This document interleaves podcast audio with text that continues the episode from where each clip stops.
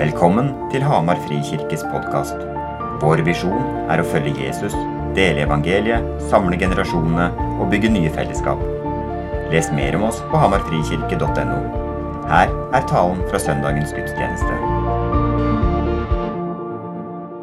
Og som Anders sa, så har vi kommet fram til den fjerde søndagen i åpenbaringstiden.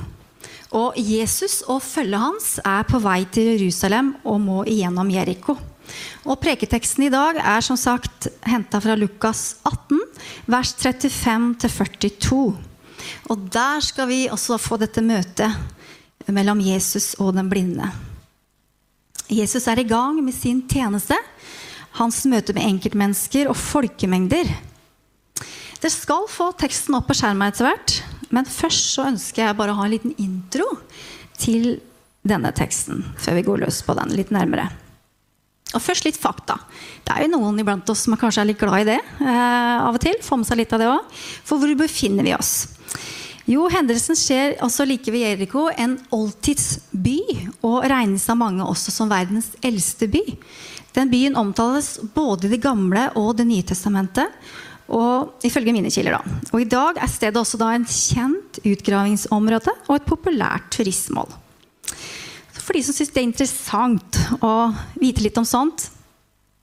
Eller så har denne teksten eh, paralleller både i Matteusevangeliet og Markusevangeliet. Og Matteus han, han, kan fortelle om to blinde menn som fikk synet tilbake. Mens Markus forteller om Bartimeus, sønn av Timeus, som var mannen som fikk sine øyne åpnet. Og Begge omtaler altså denne hendelsen som skjedde på vei ut av byen. Lukas derimot, han forteller litt annerledes. Han forteller om dette møtet mellom Jesus og den blinde på vei inn til byen. Men jeg tror ikke det spiller så stor rolle om det skjedde på vei ut av byen eller inn til byen. Troverdig er det i hvert fall. Vi både får oppgitt navnet på mannen, og hvem mannen var sønn til, og hva byen het. De har alle kjennskap til den samme hendelsen. Og så har jeg lyst til å dele noen tanker da, jeg fikk rundt denne teksten, og jeg har bedt litt og vært for meg sjøl. Eh, men før det så skal jeg ta deg med inn i denne byen. Og så vil jeg lese litt min versjon av hva, hvordan kanskje denne blinde kan ha hatt det.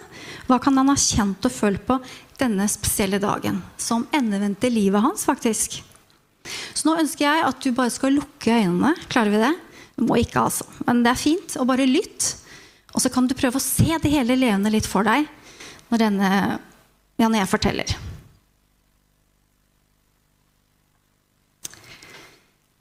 Det er noe med denne dagen. Jeg har en sånn følelse av at noe kommer til å skje. Noe godt. Noe nytt, kanskje. Jeg har hørt at Jesus fra Nasaret er her i området. Kanskje det er i dag jeg skal få mitt under? Jeg hører stemmer i det fjerne. De nærmer seg. Skjer det noe i byen i dag? Det er en sånn spenning i lufta, liksom. Som om noe er på ferde. Jeg kjenner på en forventning inni meg. Som en sitrende, begynnende begeistring. For hva? Jeg vet ikke. Men noe er i gjære. Der, der hørte jeg noen nevne navnet Jesus. Er Jesus her? Er han akkurat her? Jeg kan jo rope på han. Jeg har hatt veldig lyst til å møte denne mannen. Jeg roper. Jeg har ingenting å ta på. Bare ansiktet mitt i så fall. Men det har jeg jo tapt for lengst. Så mange ganger som jeg har sittet her og tigget og bedt. Jesus, du Davids sønn, ha barmhjertighet med meg. Jeg hører noe mumling i rekkene. Det blir sagt noe, men jeg får ikke med meg ordene. Til stille med deg, mann kommer det fra en irritert stemme ved siden av meg. Jeg skvetter til. Jeg blir med ett litt liten der jeg sitter, med min beskjedne fremodighet. Men nei, jeg lar meg ikke stoppe. Jesus, du Davids sønn, ha barmhjertighet med meg! Nå er det flere stemmer som blander seg inn, og noen sier noe om å reise seg. Skal jeg reise meg? Hvem sa det? Jeg kommer meg raskt på føttene. Jeg går etter lyden, og det kribler i kroppen. Jeg kjenner på noe aldri så lite som spirer fram. Håp, kanskje. En varme som sprer seg rundt i kroppen. Og så hører jeg en mild stemme som sier, 'Hva vil du jeg skal gjøre for deg?' Hva? Er det virkelig han? Herre, la meg få synet igjen! Og så hører jeg de vakreste og mest befriende ordene jeg noen gang har hørt. Bli seende, din tro har frelst deg. Idet denne mannen de kaller Jesus fra Nasaret, uttaler disse vakre ordene, så skjer det noe fantastisk. Ja, plutselig ser jeg. Ja, jeg gjentar. Jeg ser. Jeg ser altså rett inn i det som må være Jesu ansikt. Jeg står som fjetret, nagler til bakken et øyeblikk. Bare tar inn lyset fra disse to kjærlige og varme øynene som brenner inn i mine. Jeg har bare én tanke i hodet. Denne mannen vil jeg følge.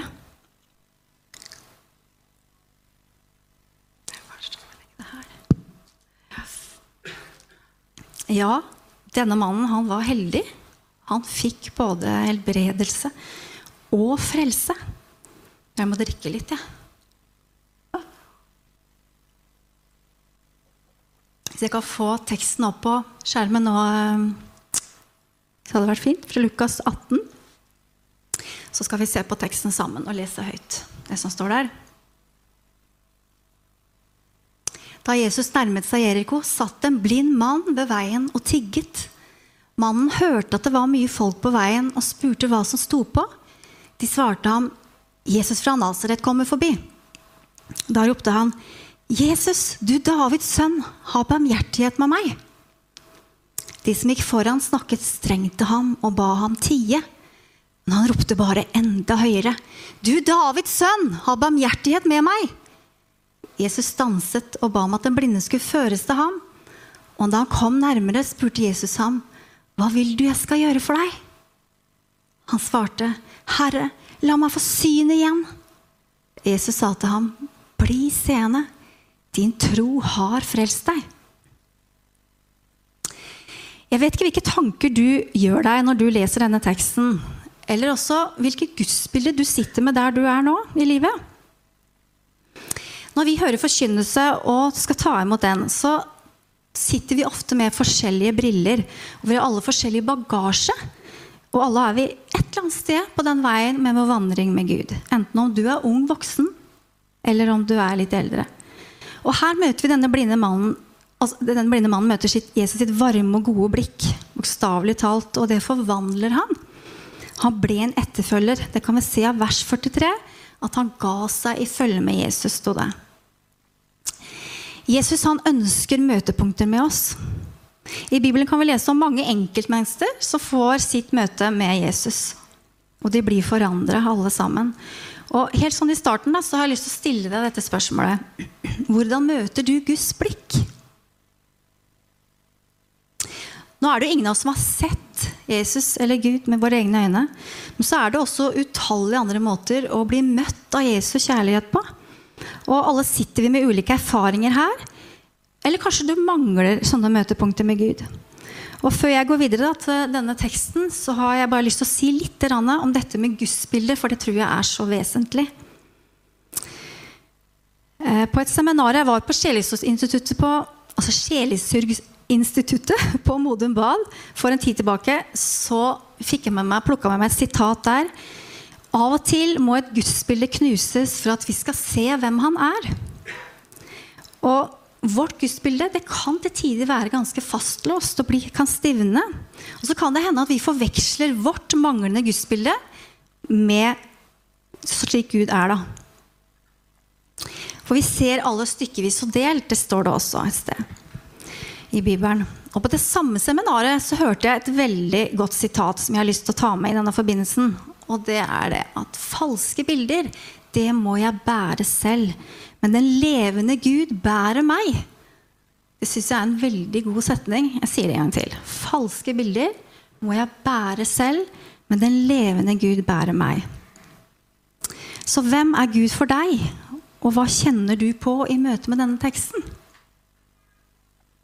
Og På det samme seminaret fortalte husets prest der om en kirkegjenger som alltid satte seg bak en av søylene i kirka. Um, bare bla litt her. Fordi at han unngikk å se på et bilde som hang der foran sin kirke. Det var et bilde av et stort øye som skulle symbolisere Guds øyne.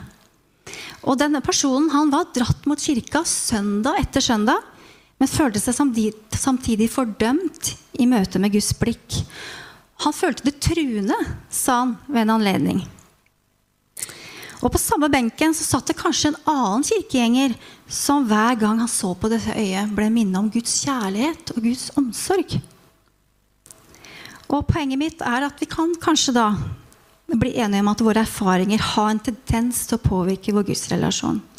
Og alle har vi et gudsbilde også, uavhengig av erfaringer, om din tro er svak eller om den er sterk.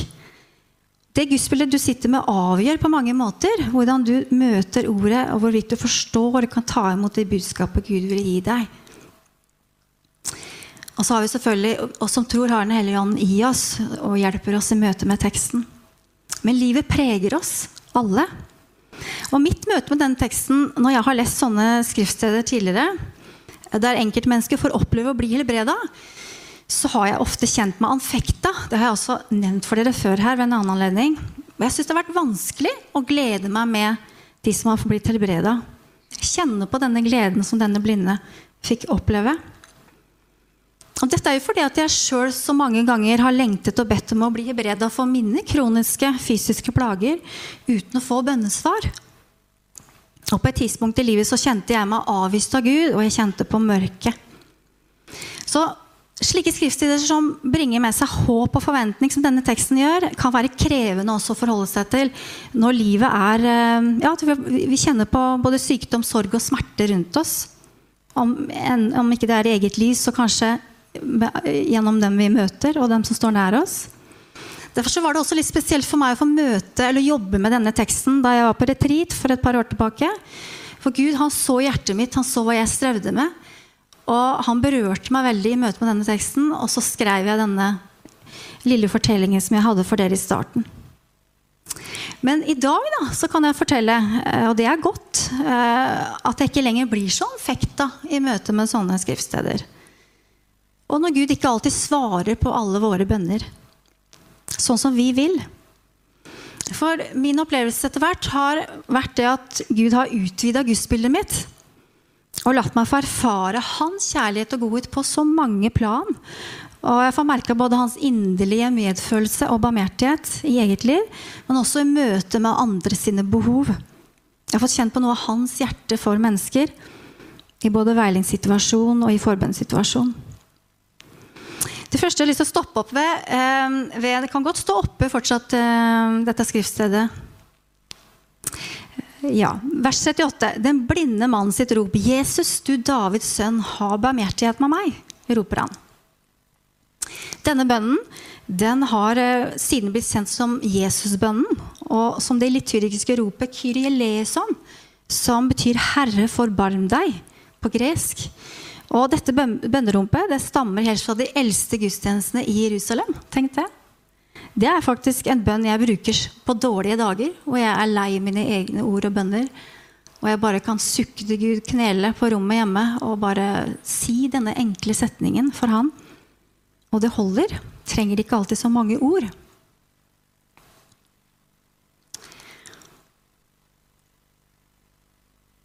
Davids sønn var en tittel som jødene ga Messias, den lovende kongen.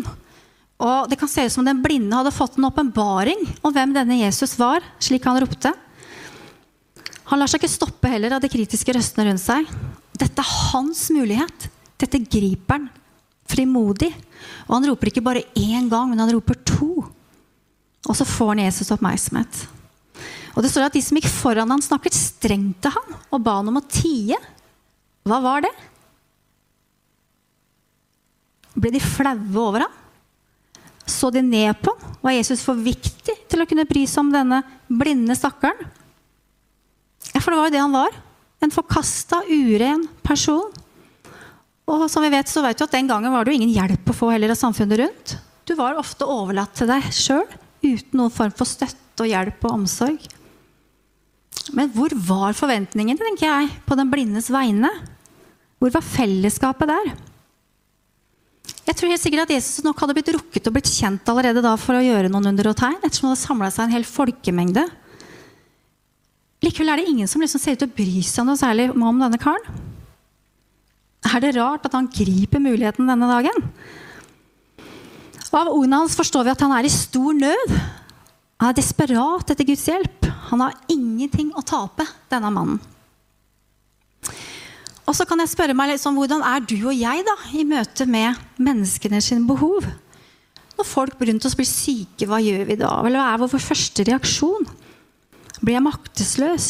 Kjenner jeg på vantro? Av og til så lurer jeg noen ganger på hvor mye jeg tilpasser meg. Og lar meg prege av samfunnet rundt meg. Tør jeg være annerledes og handle på det jeg kjenner til enhver tid? Gjør jeg forskjell på folk? Gjør Gud forskjell på oss? Er noen viktigere for han enn andre? Det kan føles sånn av og til. Her tror jeg igjen våre erfaringer kommer inn og preger oss i møte med Guds ord. Og jeg tror også alle sammen mer eller mindre kan kjenne på maktesløshet i gang iblant. Og kjenne kanskje både på frykt og vantro til tider. Eller at vi dømmer lett andre. Og det er helt naturlige, også menneskelige følelser vi sitter med, uh, som ikke vi skal ta imot en masse fordømmelse for, men vi skal få lov til å gå til Jesus med det. For han møter oss ikke med fordømmelse. Derfor skal heller ikke jeg fordømme andre. Og om min tro er liten eller svak, så har jeg erfart at jeg kan få komme med den troen jeg har, og rette den mot en stor og mektig Gud som kan gjøre så uendelig mye mer enn det vi forstår og få overlate det hele til Han som har all makt. Jeg tror at Jesus han viste oss en bit av himmelen den dagen eh, denne tiggeren, da tiggeren fikk synet tilbake. Han viste den blinde mannen og hele Jeriko og alle vi som hører ordet i dag, så mange år etterpå, at en dag skal vi få en helt ny kropp i det evige livet hos Gud. Altså, Det er fremtidsutsikter hvis vi virkelig tar de innover oss. Det er en glede å tenke på. Jeg gleder meg til den dagen. Det kan virke litt fjernt og rart til tider, nesten litt sånn eventyr, eventyrlig. Men det, jeg tror det er sant. Og denne hendelsen da, ved Jeriko by, Jericho by den gir oss også håp da, for dette livet og den for det evige livet. Gud kan og vil helbrede. Han har makt til det. Og vi kan alltid komme til Han i den tro og tillit til at Han både hører og ser oss og vil svare. Vi kan komme i frimodighet til Han med den viten om at Han til enhver tid også vet hva som er best for oss. Så hvordan møtte Jesus denne tiggeren som var blind? Har du tenkt på Hvorfor går han ikke helt bort til han? Han sier til de rundt at de skal føre han bort til Jesus. Og når når vi leser Bibelen, kan vi se at Jesus møter mennesker på ulike måter. Noen så går han helt bort til. Han helbreder også på litt forskjellige måter. Andre ganger så vil han det annerledes. Og hvorfor, tror du? Jeg tror det har vært diskusjoner blant teologer opp igjennom, og heldigvis finner det altså ingen fasitsvar på dette, hvorfor Jesus gjør akkurat slik han gjør her denne dagen. At, han ikke går helt bort til ham, mener jeg. Og jeg tror det er helt innafor at du og jeg får lov å ha våre egne tanker rundt dette. Men da jeg søkte opp dette skriftstedet på nettet, så fant jeg en kommentar. Eh, og Tidligere biskop Olav Skjevelsland han mente at det kan se ut som Jesus ønsket å møte denne tiggeren med respekt. Han så ikke bare en tigger. Kanskje han ville gi denne mannen mulighet også til å uttrykke sin tro? Ved å spørre sånn Hva vil du jeg skal gjøre for deg? Jeg tror Jesus så mannens tro. Han så hans hjerte. Og Det er jo litt interessant at han møter han også, for det var jo opp opplagt hva han trengte, denne mannen. Likevel så spør Jesus på den måten. Og Det er det jeg har kalt denne prekenen vår også i dag. Denne tittelen 'Hva vil du jeg skal gjøre for deg?' Så tenk litt etter. Hva vil du, ønsker du innerst inne at Jesus skal gjøre for deg? Hva er ditt dypeste ønske? Bli kvitt en sykdom, kanskje? Få en ny venn? Bli satt i større frihet. Være deg sjøl. Nei, Jesus han ser alle våre behov, små og store. Og Han er både en praktisk Gud, og det står også at han er vår lege. Apropos lege. Jeg har altså en veldig god lege. Og hun er dyktig, syns jeg, i møte med mennesker. hun pleier ofte å møte meg faktisk med disse ordene. Hei! Hva kan jeg gjøre for deg i dag? Det er så godt å bli møtt på akkurat den måten. Altså, Jeg vet at hun har en hel haug med mennesker på sin liste. Og en hel haug med mennesker hun skal møte denne dagen. Men når jeg er hos henne, så ser hun meg. Det er rett og slett en veldig god opplevelse. Så jeg beundrer den dama. Men jeg har enda større beundring for Jesus, da. Helt opplagt. Eh, og hva han har gjort for deg og for meg, det overgår alt annet. Og det er vanskelig å fatte til tider. Vi kan bare se det litt stykkevis og delt. Jeg har lyst til å nevne også en annen tanke ved teksten. og det er at Jesus ser ut til å tenke kanskje på de folkene rundt denne blinde. Ettersom han ikke går bort til han selv. Kan det være at Jesus ville involvere de? La de få hjelpe til å lede den blinde til Jesus? Ja, Det minner meg om et kall vi har òg, da. Er det ikke det vi er kalt til? Er det Å lede mennesker til Jesus på ulike måter. Eller å få vise omsorg og barmhjertighet i praksis elske Gud og elske vår neste. Og så tror jeg vi kan få mye ut av å lese denne teksten. Alt ettersom hvilket perspektiv vi leser det òg. Vi kan lese teksten ut fra et sånt jeg-sentrert synsvinkel. Hva vil denne teksten si meg? Hva vil den gi til meg her og nå? Og da har vi allerede vært inne på at den vil gi oss håp. Både frelse og legedom. Men også at vi skal få være hans disipler. Få følge etter han Sånn som disiplene gjorde den dagen. De var jo vitne til det Jesus gjorde. Og få gi det vi har fått, videre. Men så kan vi også tenke ut fra en gudssentrert synsvinkel. Hva var Jesus sin oppgave? Hva var hans tjeneste og kall? Hva ville Gud gjøre gjennom Jesus? Jo, Jesus skulle herliggjøre sin far. Vise hvem Gud er. Gjøre navnet hans kjent. Og gjennom de gjerningene Jesus gjorde, så skulle folk få et møte med hans far i himmelen. Jesus sier i Johannes 5, 41, ære fra mennesker vil jeg ikke ha. Videre sier han i Johannes 4, 34 at min mat er å gjøre det han vil, han som har sendt meg, og fullføre hans verk. Jesus han vet så tydelig hvem som har sendt han, og det gjør han sterk og fremodig. Hadde de sett og møtt Jesus, så hadde de også møtt hans far. Dette sa han til disiplene en dag hvor disiplene mente de ikke hadde sett Gud før. De visste ikke hvem Gud var. Så sa han det at har de sett Jesus i aksjon, har de sett meg, så, har dere også, så kjenner dere også min far. Jesus han synliggjorde sin far. Og så står vers 42 litt sånn ut for meg når jeg leste den. Bli seende. Og denne setningen den får for meg både et litt sånn fysisk selvfølgelig aspekt og et åndelig aspekt. Mannen hadde mest sannsynlig vært blind hele livet. Han hadde kanskje vært plaget av løgntanker om at han var selv skyld i sin blindhet. Kanskje familien hans hadde fått kjent på det samme. Skammen, både for han ja, for dem alle. Og skam, dere, det kan vi relatere til. Er det noe samfunnet vårt har vært opptatt av i de senere tid, så er det jo nettopp dette. Det ser vi både av produksjoner av serier som blir laget, og også folk som står fram i mye større grad enn før. Byr på seg sjøl. Terskelen er lavere i dag for å snakke om skam og om vanskelige ting. Har du kjent på skam noen gang? Jeg har kjent på skam.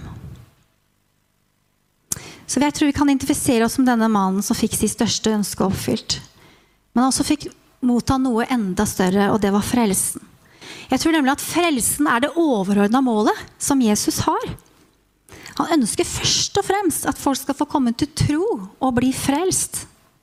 Vi kan også se at Jesus helbreder ofte i all offentlighet og i forbindelse med at folk trenger frelsen. Og jeg tror også det er greit å ta med seg at kanskje alle blir ikke helbreda i Bibelen. Og om vi ikke er fysisk blinde, så har vi også alle mangler. Vi har kanskje kjent på mørket, vært desillusjonerte, maktesløse. Vi har alle våre blindsoner, og vi trenger alle å be Gud om hjelp til å se oss sjøl, vår synd, de gale tingene vi gjør, det vi tenker. Vi synder alle både i tanker, ord og gjerninger, som vi også da sier hver søndag her, og også har sagt i dag i den synsbekjennelsen. Vi trenger alle å erkjenne hvem vi er, for å kunne ta imot Guds tilgivelse og kjærlighet til oss. Og så skal vi få lov å leve i den. Bare av nåde. Det er stort. For det Jesus har gjort, er ferdig for oss. Han sa på korset, 'Det er fullbrakt', sa han. Vi trenger ikke å legge noe til i egen kraft. Gjør vi det, så er det jo helt forgjeves. Da har han gått denne tunge veien og fornedret seg sjøl til døden. Om vi tror vi bare kan oppnå noe i egen kraft. Så min oppfordring da, til oss i dag er det å ydmyke dere under Guds hånd. Det kjenner jeg på. La deg ydmyke, for han elsker deg. Han elsker deg så inderlig. Og han har kalt deg ved navn. Du er min. Og hvor mer personlig og nært kan det bli? Og søk Herren mens han er å finne, kan vi lese også i Jesaja 55, 6. Jeg tror vi alle kommer til å fatte dybden i Guds kjærlighet fullt og helt. Men vi kan få lov til å be Gud om hjelp til å ta den imot. Og få leve i den og ut ifra den. Det er et mysterium som nå har blitt åpenbart, og som er altså en av disse lesetekstene for denne søndagen. Så vi skal ta med oss Romerne 16, 25, 27, hvis vi kan få det opp på skjermen. Skal vi lese det også sammen. Lovet være Gud, Han som har makt til å styrke dere med mitt evangelium. Det er Paulus da som sier disse ordene. Budskapet om Jesus Kristus ut ifra åpenbaringen av det mysterium som har vært skjult fra evige tider, men som nå er kommet for dagen.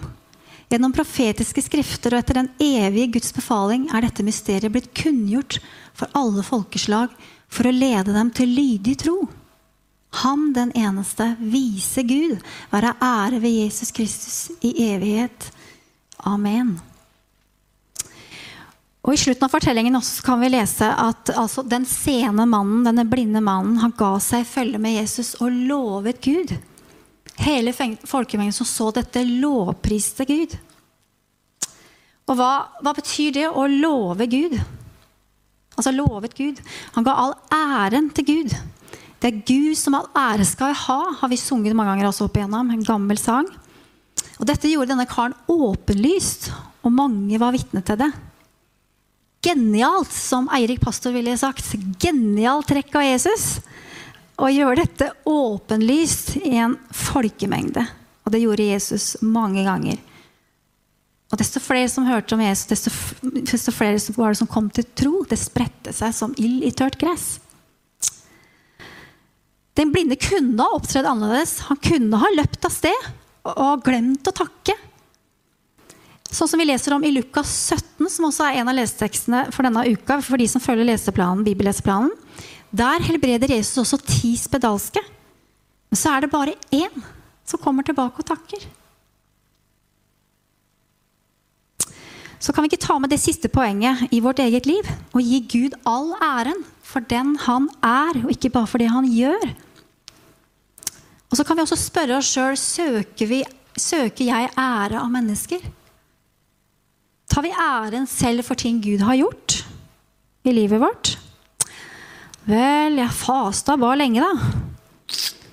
Jeg har brukt mange timer i det bønnerommet. Det er litt lett å falle litt i det. At vi kan klappe oss sjøl litt på skuldra og synes vi fortjener både det ene og det andre bønnesvaret. Jeg tror vi blir veldig fort flinke, vi kristne også, og vi er jo en del av et samfunn som er vant til å fortjene det. Men Guds rikes tankegang er så annerledes. Så Jesus han ønsker vårt hjerte og hengivelse tilbake på både de dårlige og de gode dagene. Med eller uten bønnesvar. Så jeg har lyst til at at vi alle skal stille dette spørsmålet i dag. Gud, åpne mine øyne La Gud få gjøre jobben sin. Få åpne dine øyne. Sånn at du blir satt i frihet til å elske og la Jesus få vise sin herlighet gjennom deg. Enten du er helbreda eller ikke. Han har lovet å ta seg av deg. Stol på det. Og så er det sånn at han vet best hvordan hans herlighet skal komme til syne gjennom våre liv. Og hvem er du som knytter neven mot Gud? Kjenner du på mørket, så er han også der med sitt lys. Og vi vet at lyset er sterkere enn mørket og vil vise vei, så du trenger ikke å frykte. Han vil trøste og vise den samme barmhjertigheten og medfølelsen som den blinde med bøtt med for så lenge siden. Så skal jeg få avslutte med Salme 146, og som altså er et profetisk frampek på Jesus. Jeg leser fra vers, hvis vi får det opp, fra vers 5. tror jeg vi leser det. Salig er den som har Jakobs Gud til hjelper og setter sitt håp til Herren sin Gud. Han skapte himmel og jord, havet og alt som er i dem. Han er trofast til evig tid. Han hjelper de undertrykte til deres rett. Han gir mat til dem som sulter. Herren setter fri dem som er bundet. Herren gir de blinde syn. Herren reiser de nedbøyde opp. Herren elsker de rettferdige.